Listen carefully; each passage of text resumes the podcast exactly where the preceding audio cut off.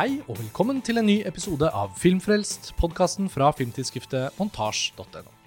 Mitt navn er Karsten Meinick, og jeg sitter her i Venezia sammen med Lars Ole Kristiansen. Hei, Karsten. Hei, Lars Ole. Og Ida Madsen Hestmann. Hei, Ida. Hei, Karsten. Våre faste lyttere har kanskje lagt merke til at vi har hatt en liten sommerpause på Filmfrelst, så vi har jo også gleden nå av å på en måte ønske velkommen til en slags eh, ny sesong, høstsesongen.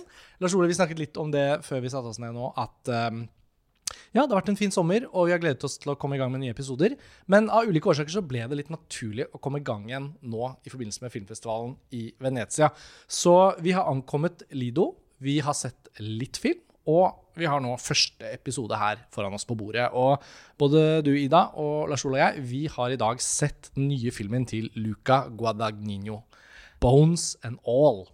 Og eh, Guadagnino, som selvfølgelig har laget da 'Call Me By Name' og 'Suspiria', uh, 'A Bigger Splash', uh, I am love. 'I'm Love' osv., han har jo fått en voldsomt høy stjerne hos oss de siste fem, seks, syv årene. Og dermed var det jo en del forventninger knyttet til filmen, som har Timothy Chalamet og Taylor Russell i hovedrollene. Og man kunne kanskje startet med en annen film vi har sett, men det ble denne. Og jeg er litt glad for det, fordi vi har sett den i dag, og den føles liksom fersk. Um, Ida, du dekker festivalen for ditt eget nettidsskrift, TBA. Eh, Det må folk gå ut og sjekke. tba.tba.no. Og levere litt sånn frilans her og der. Du bidrar jo til montasje også i spalten Analysen og har vært med på podkasten mange ganger før. Og uh, hvis vi starter med deg, da. Altså, Bones and All er adaptert fra en roman. Jeg har ikke lest den, og sånn, men det er jo noe med kombinasjonen av at Guadagnino gjør comeback med eh, eller sånn, han har en slags reunion med Timothy Chalamet etter Call Me By Name. Det syns jeg var liksom første sånn vinklingen på denne da den ble annonsert, at de skulle jobbe sammen igjen. Men så er det jo noe med sjangeren og alt det han gjør her, som gjør at man Jeg vet ikke hva slags forventninger du hadde til filmen før du sånn. Jeg må innrømme at jeg liker å vite så lite som mulig før jeg ser en film. Mm. Og det merker jeg også når jeg er her, at eh, det er faktisk de filmene jeg har visst minst om, som jeg også har uh, Likt best. Likt, likt best ja. Ja. Eh, Deriblant også Tar. Ja. Uh, ja. Oh, men- ja. For det var en av de filmene jeg Ja. visste minst om. Ja, eh, Den skal vi jo komme tilbake til. Uh, som jeg ble helt slått i bakken av. Ja. Ja, ja, vi har hatt skikkelige oppturer og skikkelige nedturer. for så vidt. Det sånn, det var sånn, I de fire-fem første filmene nå så har det vært hele spekteret. Men ja, Ja. altså Bones and All er jo da en film hvor man ganske klart skjønner ram... Altså sånn Eller hvor, mye, hvor lite visste Jo, du? ja, eller jeg, fikk jo med meg tidlig at det var en kannibal... eh, Ja. Eller romantisk skrekkfilm med kannibaltema. Ja, Eh, og det er ja. virkelig ikke en spoiler hvis noen tror det. Altså, sånn, det er premisset for filmen, Mm. så det er ikke noe å tenke på det. Og da, da går mine tanker først og fremst til uh, Julia Ducornos uh, Raw. Mm. Og, og da begynner jeg å lure på ja, hvordan, hvordan, er Luca Guadagninos take på det her, med tanke på at han jo har lagd Suspiria-tolkning, uh, Ja, som jeg dette- likte veldig godt. Ja, samme Min- her. Ja. Det, dette blir jo da hans andre horrorfilm. Eh, jeg er jo litt Eller- opptatt av å si at horror er en si- paraplysjanger, ikke sant? Ja. For denne filmen er jo ikke spesielt uh, skummel. Den er Nei. jo i større grad uh, romantisk. Apropos at det var en romantisk skrekk med, med kannibalmotiv. Ja. Uh, men, men den vil jo uansett da bli værende å finne på alle framtidige kåringer av kannibalfilmer. Mm. For jeg, jeg, det slo meg underveis da når jeg så, så dette her, og så, så hva som dette ble til etter hvert. At det, så begynte det å gå opp for meg Dette er jo også en road movie, uten at jeg trenger å si for mye om hvorfor. Men da kan man jo eh, ane hva som skjer, eller, eller hvordan det blir en road movie. Eh, og eh, blanda med litt coming of age kanskje også. Eh, det, det, det tenkte jeg jo litt på. Hun skal jo finne ut av sin fortid, og det er jo en reise Ja, det er virkelig Det er jo en coming out. men ja, jo, um, jeg skal fortelle, si litt Ja, jeg om hva For det lytternes handler del, om. Ja. når vi gjør disse festivalepisodene, så Mm. pleier vi å være forsiktige med sånne voldsomme spoilers. Ja. Uh, Så jeg tenker sånn, hvis, hvis noen som hører på nå, vil Ja. se filmen sånn som du gjorde, Ida, Mm. så kan de jo stoppe å høre nå uansett. Fordi Ja. da vil de jo vite absolutt minst mulig. Da var det jo ikke noen grunn til å klikke seg på episoden. Ja. Hvorfor hører dere på dette i det Men du kan gjerne fortelle helt litt Ja, det er jo da en um, hovedkarakter, en, en ung kvinne, jente, som da ja, har blitt 18 år, og som er sammen med Bor bare med eh, faren sin. Og vi møter henne når de er på ja, forholdsvis nytt sted. Um, og uh, ja, vi skjønner etter hvert at de må komme seg videre. Fordi hun er jo litt Sulten. kjøttsulten. ja. Preget bæres ned av midlertidighet. Ja. Ja. Og man kan få inntrykk av at eh, de har måttet flytte mye rundt fordi eh, kjøttsulten stiger i, i hovedrollejenta. Ja. Spilt av Taylor Russell, Ja. som uh, mange kanskje husker fra uh, Trey uh, Edward Schultz sin film 'Waves'. Ja, og det, Mm. det føles også ut som at den caravanen de midlertidig bor i, er en sånn etterlatenskap-rekvisitt fra Minari. eh, Hvor den koreanske familien tok bolig ute på jordet der. i den filmen. Det var sånn, sånn- som er, det det, er, er det eksakt den samme? Samme modell? Eh, og filmen utspiller seg jo også på 80-tallet, så det var noe med det òg. Med veldig dempet tidskolori. Ja, veldig dempet. Før, før uh, synthpopen Ja, plutselig? Åh, hamrer ja. ut på soundtracken. Det kommer vi tilbake Ja. til senere. Men hun er jo uh, veldig sånn Taylor Russell er jo en veldig sånn skjønn uh, Fremtoningen hennes, ansiktet, lynnet, er veldig sånn vakkert. Hun er jo skuespiller. en men ung Whitney Houston. Ja, altså skuespiller, Hun er 28 år gammel, men hun ser jo ut som hun er 16. Og det er veldig sånn troverdig og umiddelbart i filmen at man føler at hun har noe sånn ungt og naivt ved seg. Når da dette kombineres med den kjøttsulten, så, så får man, syns jeg i hvert fall etter to minutter, veldig sånn OK, dette er spennende. Dette funker. Jeg er liksom klar for hva som kommer. Og det premisset er jo egentlig nok for å sette opp filmen, føler jeg. eh, Og vi, vi er jo også eh, i gode hender når det kommer til liksom de første preg... Altså hvordan den visuelt liksom setter opp hennes tilværelse der med faren og de første par sekvensene. Så, så kjenner jeg også at man får liksom Om ikke et sånt veldig tydelig Guadagnino autørtrekk, så kjennes det ut bare som at filmen åpner sånn OK, dette her blir spennende, og, og det, blir, eh, det blir noe å følge med på fordi man også får vite egentlig veldig veldig lite. Hvis vi tenker på hele filmen, da, så er det jo bare en sånn smakbit. i. Samtidig som jeg, jeg aksepterer så veldig at jeg vet lite, da. Mm. Det at vi ikke vet hvor moren er. Og, Mm. Uh, ja, det er så mange spørsmål som jeg Ja, eh, jeg bare syns det er en behagelig verden, er det lov å si, Ja. uh, å, å, å være i. For det er akkurat som jeg, jeg er med på hennes perspektiv, uh, og det, det grepet liker jeg veldig godt at vi, vi er veldig på hennes Vi låner hennes øyne. Og hun er jo hovedpersonen. Timothy Chalamet har jo nå blitt en så stor stjerne at man skulle tenke at når han er med i en film, så er han hovedpersonen. Særlig sånn etter alt med Dune og sånn, så er han jo blitt virkelig en, en stor blockbuster-stjerne. Men han spiller jo virkelig en birolle.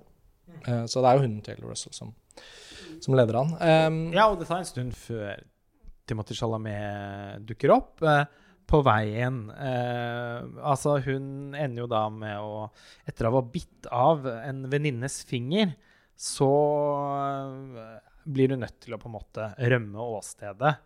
Og på dette tidspunktet igangsettes jo den roadmovien, da.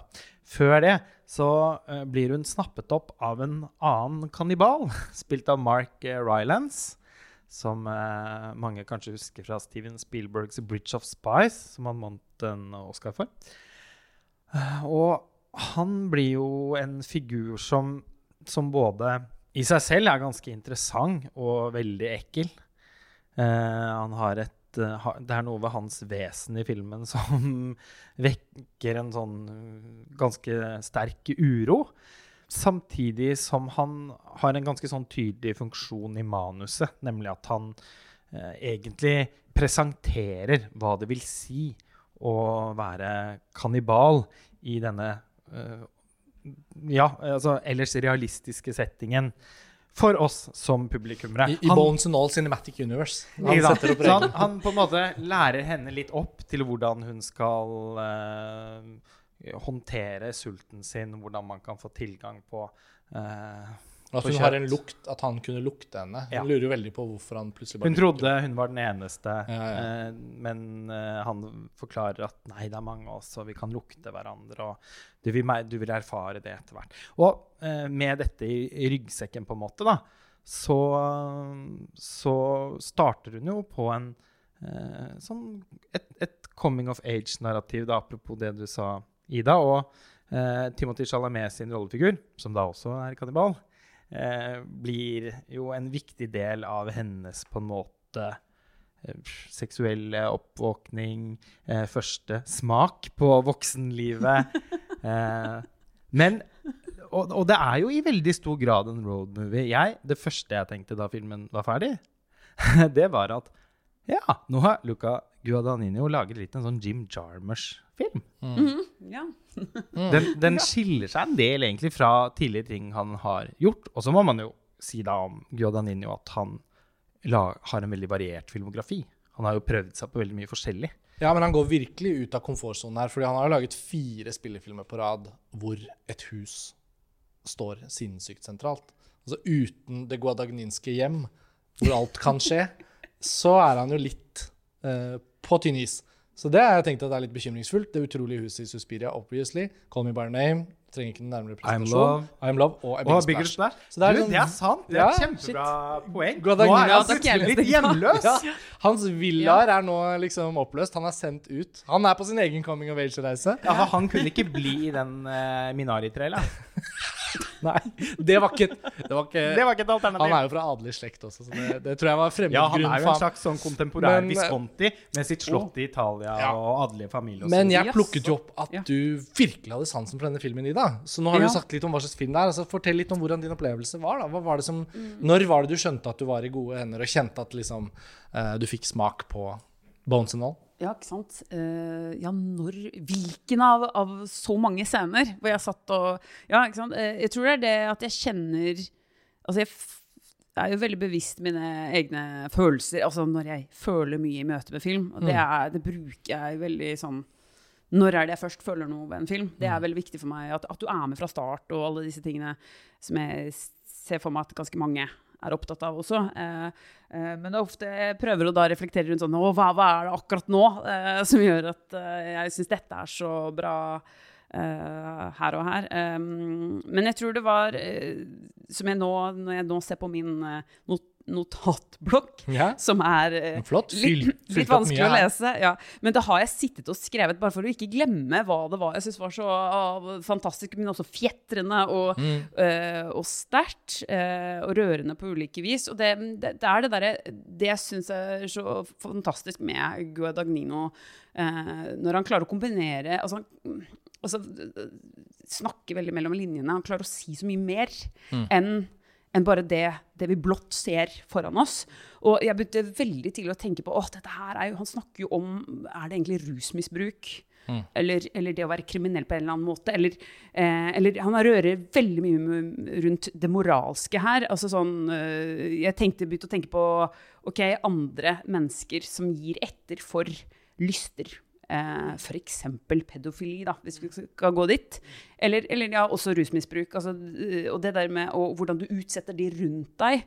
Um, eh, hvis du gir etter for fristelsene. Eh, og den tar jo opp det gang på gang på gang, og egentlig fra første møte med sin eh, sin første ande når hun oppdager at hun ikke er alene om å være kannibal. Eh, at hun blir lært gjennom alle menneskene hun møter, som også eh, er av samme type eh, Hva skal vi si gen, eller Samme kulinariske preferanse. Ja, ja ikke sant? Eh, ja, eller, ja, ikke sant? Hvordan, eh, hvordan er man kannibal? Er det miljø, er det kultur? Er det, nei, det er jo, Mm. Har vi et her er det samlingssteder? Har vi et Ja, felles er det gener? Og for henne er det vanskelig å akseptere at hun på en måte er nødt til å ofre noen for sin egen tilfredsstillelse. Eh, de andre har jo på en måte Allerede ofret, som regel. ganske mange, virker det som, og har på en måte blitt noenlunde komfortable med det at Ja, for å sitere rike Exodus For et lege eggekake må man knose egg. ja. Eh, men for henne er det eh, i utgangspunktet noe hun ikke kan akseptere og liksom tillate seg. Og det blir jo noe av det hun eh, Apropos den moralske diskusjonen da, som er gjennomgående i filmen.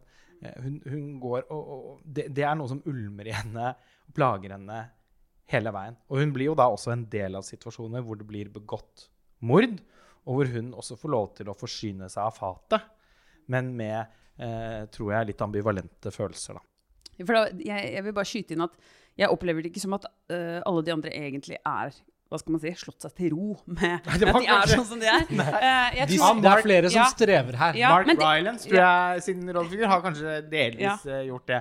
Men Chalamet mm, litt Ja, det, nei, sånn som han synes jeg Han er mer vinglete, Ja, kanskje, fordi han, det slo meg. Han er uh, ekvivalenten til Omar Little fra The Wire. Han har funnet sin kode. Eh, det legger merke til at han går løs på andre fæle menn. Mm. Eh, eller, ikke sant? Da, det er for å eh, egentlig rettferdiggjøre det han gjør. Og det syns jeg også er et veldig interessant poeng. Eh, og, og, som det kommer Eller uten at jeg skal si for mye, men, men, men dette spørsmålet om hvem er, det, hvem er mer og mindre verdt å drepe? Eh, åh, det er så Og, og da beveger vi oss ja. jo inn på dyreriket òg, ikke sant? Mhm. Når vi spiser kjøtt. Fordi eh, for mange veganere, f.eks., så vil det jo også eh, være Altså når, når noen velger å bli det, f.eks., så handler jo ofte det om at eh, man tenker at man ikke kan gjøre seg til herre over eh, et gitt Eller et dyr, da. Mm. Eh, men van, altså de som ikke er veganere eller vegetarianere, eh, vil jo gjerne spise et utvalg dyr. Altså de koseligste dyrene, som f.eks. hund eller en pandabjørn, sånn, vil du gjerne ikke ha på tallerkenen. Eh, hvorfor det? Eh, det er mange vegetarianere for eksempel, som ja, Da blir de jo i og for seg ikke 100 vegetarianere. Det blir det man omtaler som pesketarianere. Har ikke noe problem med å spise sjømat og fisk. Hvorfor det? Er det fordi fisken ikke lager lyd? Ja, for når du knekker nakken på torsken, hadde torsken skreket idet den ble trukket opp av sjøen og øh, knukket nakken på, så ville det kanskje stilt seg annerledes. Så filmen toucher innom ganske mye interessant øh, som vi i våre egne hverdagsliv går rundt og tenker på, da. Mm. Og jeg tror den eh, romanen til hun eh, Hva er det? Camille De Angelis, tror jeg hun heter. Jeg hadde aldri hørt om henne før, eh, forfatteren. Men eh, den har fått mye skryt for at den er en sånn allegorisk sjangerfortelling. Da. Og at den eh, eh, Akkurat hvordan adaptasjonen er utført, har ikke jeg noe å si om siden jeg ikke kjenner romanen. Men det er jo åpenbart at mye av liksom plottet og, og universet og sånt er, er beholdt. Karakterene og sånn, og at hun er hovedpersonen, er det samme i romanen. og sånn. Men um, det er jo vanskelig å ikke tenke på Den er jo allerede nevnt, da, men Raw til Julia Ducournau toucher jo også på en utrolig interessant da, parallell. Eh, fordi eh, vi blir jo ikke umiddelbart i den filmen klar over at eh, det er kannibal hun er, og hennes familie. Um, og der blir jo da noe av det interessante med filmen at man liksom, hun er bare så utrolig forsiktig med kjøtt. Hun er vegetarianer, hun er, liksom, hun er påpasselig, og hun er liksom blitt, blitt utstyrt med en viss retningslinje fra familien om hvordan man bør, skal liksom gå gjennom livet for å ta de rette valgene. Og så viser det seg selvfølgelig at hele den reisen har vært om å gjøre å liksom få utsatt hennes utbrudd som kannibal. Og det er jo også coming of age for hun liksom endelig bare. Men det, eh, hvis vi skal begynne litt kanskje også se på noen av innsigelsene Jeg har noen da mot filmen. og det er jo selvfølgelig urettferdig å sammenligne med Raw. Det må til, fordi det som skjer i Ducournau's film når det kommer til dette, er jo da at det at hun er kannibal, og det at hun er i en coming of age-narrativ, på en måte, det kommer jo da voldsomt til uttrykk gjennom sånn en eksplisitt overskridelse. Både gjennom smaken på kjøtt, men også gjennom drifter. Vi snakket litt om avhengighet, seksualitet. Um, de motivene er ikke så ulike mellom disse to filmene, men hvordan filmene løser det, er ganske ulikt. Og man kan jo si at det rent sånn grafiske med uh, fortæring av menneskekjøtt og vold og drap og blod og sånn, det er ganske sånn eksplisitt og tydelig i Bonds. Mens det rent sånn dyrisk, seksuelle drift, erotikk, møte mellom drifter og erotikk og sånn, det er ganske sånn tilkneppet PG-13-lignende. For det er litt, den gir litt inntrykk av å være en litt sånn young adult novel, på en måte. Ja, men jeg føler litt at det Og det syns jeg da er en litt sånn uheldig retning filmen tar. At den ikke går mer all in for 18-årsgrensen på alt, da. Og, og ja, ja, når du sier det, for det, det, jeg begynte underveis å lure på ja, hvor, jeg, jeg trenger kanskje å se litt hvor vanskelig er det å, å, å avstå fra den fristelsen det er å spise et menneske. For det er jo det man lurer på. Ja. Litt på samme måte som det derre en pedofil eh, som, som, som, som gir etter for sine drømmer og lyster. Hvor, ja, hvorfor holder du ikke tilbake? Altså, den der, det spørs, de spørsmålene der Den lange de scenen gjerne- i Raw, da, når hun Ja. kjemper med seg selv under lakenet der, som har blitt ganske sånn kjent. Og liksom det rumler, og det blir liksom, kroppen er bare helt Den har så sterke den, den er sterkere enn hennes vilje. Og Den kampen er ganske moderat skildret her, da. Det, blir jo, det kommer jo for dagen at eh, eh, disse kjøttsultne er jo også sultne på hverandre. Uh, men det Sånn rent kulturelt er det på en måte Kodeksen. Ja, eh, så er det frowned upon. altså eh, Eater does not eat eaters. Er det ikke det han sier på et tidspunkt? Nettopp. Men vi ser jo at eh, hun og altså Taylor Russell og Timothy Chalamet sine rollefigurer har jo veldig lyst på hverandre. Og jeg skulle nok likt å sett en litt sånn mer overskridende utforsking av det liksom erotiske potensialet til filmen.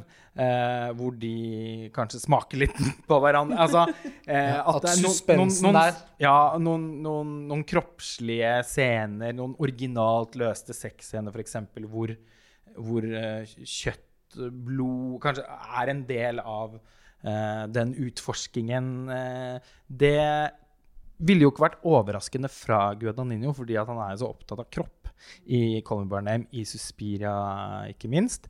Så der følte jeg veldig at han holdt litt tilbake. Sikkert fordi han da egentlig liksom vil noe annet med filmen. Ja. Men da eh, Han velger jo- vekk fetisjerende kamera, på en måte. Ja, og han- Såpass tydelig og at det blir litt sånn hm? Kan, kan det være fordi han nettopp tar hennes blikk, hvor, hvor kanskje hun er litt eh, altså, Ja, det derre naive unge som kanskje ikke er megainteressert i sex ennå, ikke vet jeg, men, men kan det være For jeg tror ikke jeg tenkte så mye på det. Eh, fordi jeg tror den scenen som jeg syns var sterkest sånn når det kommer til det dere etterlyser, den kom jo ganske langt ut eh, der eh, Mm, ja, ja. eh, hvor, hvor jeg føler Der er det en sånn scene hvor jeg liksom kjenner at der ble jeg skikk... Der er hjertet mitt i halsen. Ja, det var, og, da var det og, men, men hvor jeg kjenner at der er det en sånn slags en miks av den derre seksuelle Mm. Og det syns jeg var Ja, veldig spennende. Så, så, så det Der kom, jeg da. det Det skjer noe veldig spennende. Og jeg tenker jo at Timothy Chalamet sin karakter, han er jo mm, han, han er jo mer erfaren enn henne. Og det er jo en scene hvor han uh, har en slags seksuell utveksling med en annen uh, gutt. Som vi ikke skal avsløre hvordan ender. Men, uh, men som du sier, så er jo ikke da fortellingen liksom fra hans perspektiv. Men fordi at de to tilbringer så mye tid sammen, så jeg følte kanskje at avstanden mellom hennes og hans posisjon i den relasjonen var litt uutforsket. Eller det var kanskje noe jeg syns det ville vært spennende at filmen så nærmere på. Men kanskje det er eh, Ja, rett og slett Hvis vi er i hennes hode, og, og, og det, det er jo hennes Det at hun hele tiden er eh, på denne reis, store reisen Hun har kommet ut uh, bak dørene Altså hun er jo på en helt Er jo på en måte oppdager verden på nytt. Så kanskje det rett og slett er det at hun oppdager så mye annet, og det er, det er denne reisen for å finne ut om seg selv, hvor hun kommer fra, og, og alt rundt Ja. kannibalisme, som gjør at derfor kommer det andre I skyggen av det. I, ja, i neste men, men men, og, og nettopp derfor så opplever jeg jo litt at han har laget en sånn Jarmers-aktig roadmovie, der hvor samtalen egentlig står veldig i fokus. Og filmen er jo eh, egentlig veldig dialogdrevet. Eh, det er en ikke spesielt innholdsrik fortelling, men eh, det er mange samtaler i filmen. En innvending for min del var at jeg syns at de samtalene ikke var sånn spesielt spennende skrevet. Altså, jeg, jeg opplevde at dialogen eh, kanskje ikke var ladet nok, eller eh, poetisk nok skrevet, eller i seg selv på en måte eh, tilstrekkelig spennende å høre på. Ja, når det kommer til ja, eh, scener eh, som er drevet av dialog, mm, ja, så liker jeg jo eh, eh, Michael Stuhlbergs uh, rolle, eller, eller Ja. eh, presentasjon. Uh, Campfire-scenen med ja, han. ja um, som, som kommer der i uh, vet dere, uh, snekkerbukse uten noe under, holdt jeg på å si. Og er litt Ja. sånn sliten fyr med langt hår. Eh, Som de bare er- møter på. Ja, ja, så de kom, han og en eh, De skal campe ved en sjø Ja. eller noe sånt, nå, Ja, og og så som, han opp. som er motiv i filmen flere ganger, så blir de luktet av Ja. andre kannibaler. Ikke sant? Og de Som kom- tenker 'Å, nå er det noen andre kannibaler her', og så oppsøker de hverandre, da. Han Ja. kommer med en kasse med øl. Og, Ja, ja, og bare, det «Hei, er jeg tid trodde- på å sosialisere. Ja. Hallo, vi har lukta dere lenge. Ja. Eller han og hans venn, som er en Ja. Men, men eh, jeg syns jo den, den eh, Når han sitter der og prater eh, Han også lærer jo henne om hvordan kanniballivet er, og det er da hun opp, forstår at det er, det er flere steg på, på, på reisen for å bli en sann kannibal, eller hva skal man si. Men altså, han har jo denne linja med altså, Når du har spist, eat the whole thing. Bones and all. Ja, altså, eh, jeg syns jo den er ganske flott. Jeg syns hele han er veldig kul. Jeg syns det var en av de Sånn- aller beste scenene i filmen. Og der vokste det også fram en sånn lynsjaktig uhygge som jeg rent personlig skulle ønske det var uh, mer av. Uh, hva tenker dere om skuespillerprestasjonene sånn uh, Nå er vi jo helt klart enige om at Michael Stuhlberg er i storslag. Men jeg syns kanskje Timothy Chalamet var litt på autopilot i denne filmen. Han spiller jo en birolle, og det tenker jeg jo at mange kommer til å kanskje bli litt sånn Å, det var liksom ikke ikke sant? Ingenting kretser rundt han. Han er en sånn supplerende uh, figur i Men han har ganske mye Ja da, ja da, ja da. Jeg skulle bare si at tid på lerretet. Jeg skulle bare si at Det utgangspunktet gjør jo også at veldig mange av hans scener er da i kombinasjon med et større, en større reise eller et større drama som, som gjelder særlig hun Maren, hun hovedpersonen. Um, men når, først, når det først ligger til rette i manuset for at hans bakhistorie Og jeg tenker at han er den rollefiguren som i størst grad tegner opp en allegori til rusmisbruk. Altså at han, han har en Alle har jo da nedarvet dette fra sine foreldre. Det fremkommer nesten i alle bakhistoriene vi får kjennskap til. At det er en mor eller en far eller en eller annen som har liksom vært kannibal før dem. Um, og så er det jo noe med at han også har blitt veldig sånn fraværende og flyktig i, sin, i den delen av familien som fortsatt elsker han, og som han har et nært forhold til, bl.a. lillesøsteren. Og det føler jeg der er en del sekvenser med ham hvor man liksom kjenner på at det ligner jo veldig på ikke sant, familier hvor det er en som sliter med rus, men som alle er veldig glad i, og så liksom hele tiden sånn inn og ut. Og hvor Ja, er det du derre nå? hvor, hvor de Hvor blir ikke du forstår Nettopp. hvorfor er du borte. Synes, Nettopp. Ja, det, det er så Og- mange der som jeg syns er sånn veldig på Ja. kornet. Så så fort rollefiguren fikk den typen kontekst som liksom tegnet opp et større bilde, så syns jeg at Chalamet var Nå har ikke jeg sett denne Beautiful Boy, da, hvor han spiller en fyr som har rusproblemer. Det var ikke en særlig god film. Nei, det er mange som sa det. Men uansett, at han er litt sånn i det moduset. Og, og det, det som gjør at jeg kanskje er litt enig med deg, Lars Ole, handler jo da om at den viktigste funksjonen for den rollefiguren er jo at hans eh, temperatur med hovedpersonen er helt sånn antennelig. At kjemien dem imellom er liksom bare, Man kan bare se på dem endeløst. I noen scener ikke så verst. Men det, kun, det føles som det er noe uforløst der. Jeg syns ikke de Eh, hadde en sånn unik kjemi, da. Første gang de kysser, så klippes det i det leppene så vidt sånn. Altså, det, det var noe veldig sånn Jo, men Det er ikke det at jeg må se, men det var bare sånn Ja, men det var ganske søtt. Men, men, men, Men det var Men jeg, nå tenker jeg igjen mer på de samtalene, da. Ja da. At uh, samtalene mellom Nå blir jo det en litt søkt sammenligning, da, i og med at disse filmene er så forskjellige. Men samtalene mellom f.eks. Ja, mellom Timothy Chalamet og Army Hammer i Call Me By Your Name, da. Eh, Men altså eh, jeg, jeg føler ikke liksom at du kan tenne en fyrstikk mellom de to, og så settes hele skogen i, i brann. Og når filmen handler e- altså, egentlig da bruker så mye tid på å skildre deres samvær, så følte nok jeg at det, at det var noe et eller annet som ikke fantes der, og at de var litt sånn spøkelser i fortellingen, fordi at jeg syns at alle bikarakterene var så gode, fra Mark Rylance til Michael Stuhlberg og hun lillesøsteren til han uh, Chalamet-figuren, f.eks. Mm, ja. Kjempefint castet. Uh, ikke mange minuttene hun uh, får muligheten til å skape en karakter på, men lykkes overraskende godt med, med det. Men det jeg skulle si var, sant, det der med, når vi, vi snakker om den tematikken hvor man sammenligner med, med rusmisbruk, eller, eller om man er kriminell på et annet vis som, Ikke det at jeg mener at du er kriminell når du er rusmisbruker, eh, bare for å ha sagt det. Men man er Eh, kanskje men- men det når man er kannibal, da. Ja, bli men å bli behandla som kriminell altså, Ja. Snakker om parallellen. Det å, å, å bli behandla som en kriminell, som en som må rømme, og som, som er da en outsider, og som er annerledes enn alle andre, og som, som folk flest ikke kan forstå eh, tilværelsen av, eller liksom hvordan, hvordan det livet er. Så tenker jeg at det er jo, det er jo liksom det jeg mener, at i det utenforskapet, i den lidelsen, Ja. I det å vite at uh, dette er fuckings livet mitt. Jeg kommer ikke ut av dette. Det er bare elendighet, og jeg må fortsette å ha dette forferdelige livet.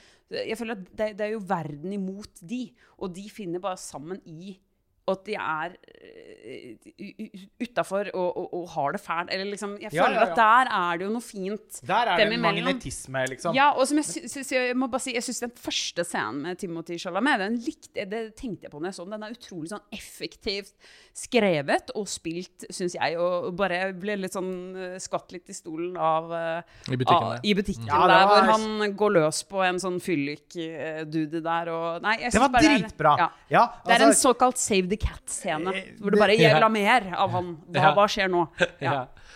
jeg satt på en måte og etterlyste litt at filmen skulle utforske mer det å liksom være i deres situasjon satt opp mot det samfunnet da, som de er en del av. Eh, etter at vi hadde sett filmen, Karsten, så nevnte jo du låten 'Rette komme inn' til Thomas Alfredsson. Som var en, som var en slags eh, romantisk coming of age-vampyrfilm. Og den syns jeg er veldig god på å levendegjøre hvordan det rent sånn kroppslig, sanselig og sosialt er å, å gå og bære på denne ja, tross alt bekmørke hemmeligheten. eh, eh, jeg forestilte meg kanskje at vi underveis i filmen skulle få se hovedpersonen i situasjoner der hun veldig aktivt erfarte at risikoen ved å være i spesifikke sosiale settinger. Altså at hun f.eks. Eh, at de kunne sittet på en diner, og så begynte hun å lukte noe. Være at det er noen andre av, eh, av samme art eh, der.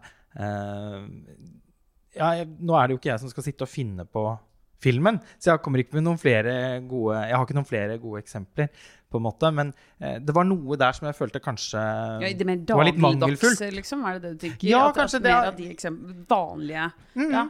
Fordi det blir jo en hverdag når de reiser rundt fra sted til sted. Og jeg syns det var unødvendig at filmen var så opptatt av hvor de var, og i hvilken måned vi var i. Det står liksom eh, Det er sånn typografisk grep underveis i filmen hvor vi hele tiden får vite hvilken stat i Amerika de liksom kjører inn i. Eh, også måneder blir poengtert, da. Jeg begynte etter hvert å lure på om Var det et grep for å få flere folk fra de ulike statene til til å komme og se filmen sånn Ja, yes, den dagen de filma inn hos oss. ikke Nå, nå er vi her og at, ser. det er ikke nødvendig for at sånn filmen skal fungere. Ja. Jeg syns det var et lite elegant grep. jeg tror de kunne klart seg uten. Og jeg syntes nok også at filmen eh, hadde en litt sånn starten på en TV-serieaktig rytme.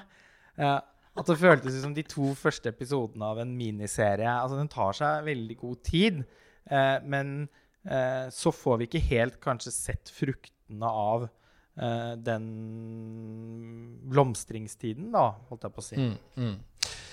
Men eh, siden vi ikke skal ta spoiler og sånn, så kommer vi jo litt sånn mot slutten her nå. Eh, fordi skulle vi diskutert dette videre, så går vi jo fort inn i, i avgjørende scener og sekvenser som kanskje tar bort noe av gleden for lytterne. Men jeg tror de som har hørt på frem til nå, kan i hvert fall betrygge seg med at vi har egentlig ikke sagt noe særlig om hva som skjer i filmen i det hele tatt. Altså, avslutningsvis så kunne jeg tenke meg at vi bare snakket litt om filmspråk og det visuelle. For det er så naturlig når det kommer til Guadagnino. Men ehm, ja, nei, absolutt. Og der tenker jeg jo at det mest påfallende for meg har jo vært, og det har jeg jo forberedt meg på, at han ikke jobber med Sayombu Muktuprom, eh, fotografen som han arvet fra Apichatpong Apichatpong Virasatekul. Virasatekul.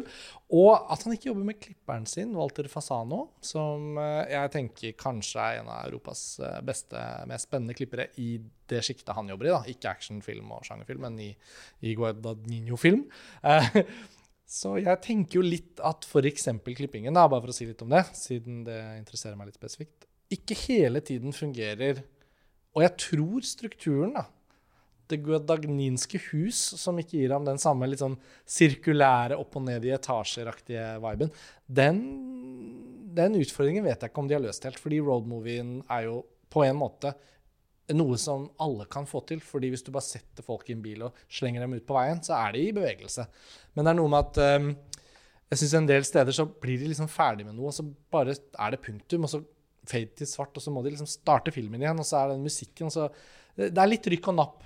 Etter min smak så er det nok litt da synd at ikke de fant en eller annen form for mer organisk struktur. Og jeg tror kombinasjonen av at de da drar fra sted til sted, og at typografien hele tiden påminner oss om nye stater, Ofte så byttet de jo stat uten at jeg fikk noe inntrykk av at liksom, Hva var det de rakk å gjøre i Idaho? Eh, hvor, hvor Indiana nå? Er det noe forskjell?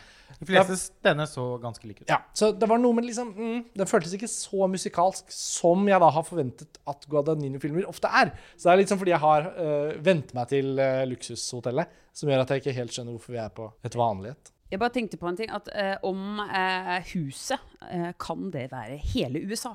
Altså at de drar fra rom til rom, eh, som er de forskjellige sa- Ja, ja. Og, for- og, og i hvert fall Ja, da, i, kunne hus, da kunne rommene, værelsene, vært litt mer forskjellige. ja, ja, men men hvert fall i det der Hvis du tenker sånn, da. Altså, hvis, hvis det egentlig er litt sånn det han jobber etter, eh, og hvis dette da er en parallell til rusmisbruk, det gjelder hele landet At det er noe Det er sånt han prøver på en måte. Ja. Ja, eller at det er det han prøver å si noe om mellom linjene, kanskje, da. Jeg Eller, syns det er en god Ja.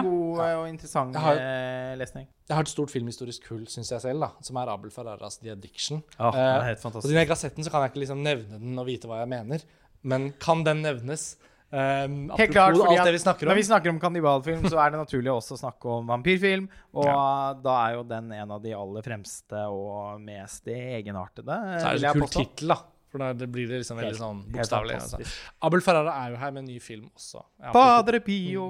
Padre Pio, heter den. Jeg hadde bare lyst til å si en annen ting da, som jeg også opplever at Guadagnino tidligere har vært eh, hakket bedre på.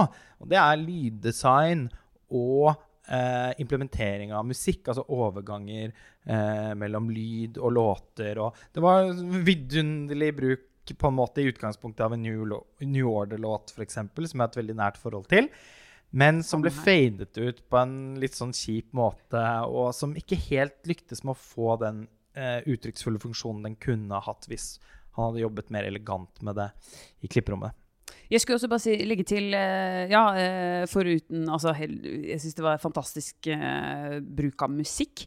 Men når vi snakker om lyd, altså lyden av tenner som går gjennom kjøtt, til bildene av noen eh, vakre, søte eh, ja, foto av eh, en gammel dame og gamle brudebilder på, en, eh, på et bord Og i en leilighet. Da, Altså, I, I store Sala Grande hørte jeg én person le.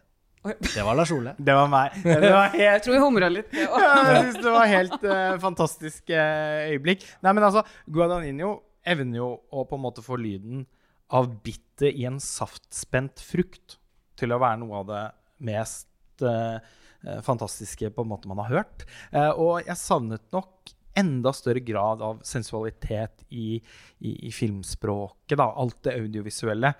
Eh, I lys av særlig de to foregående filmene hans, da 'Call Me By Name' og 'Suspiria', som jeg begge anser for å være mesterverk, og, og to av tiårets eh, det, det forrige tiårets beste filmer.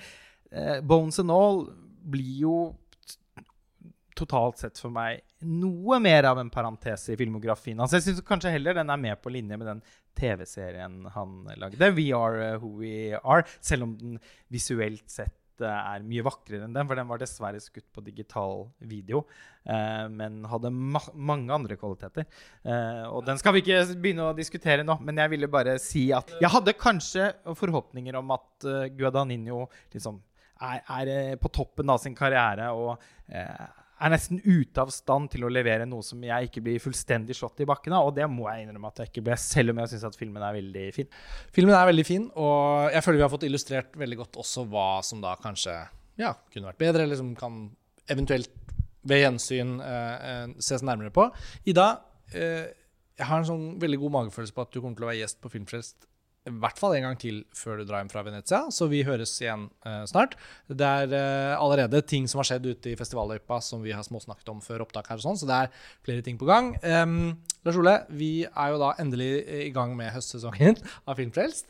Så det blir jo masse mer som kommer nå i, i dagene og ukene eh, som følger. Så kjære lyttere, vi er glad for å være tilbake og ha fylt opp podkastspilleren deres med årets første Venezia-episode. Og så høres vi igjen veldig snart. Og Bon appétit! bon appétit, alle sammen. Ha det bra. Ha det. det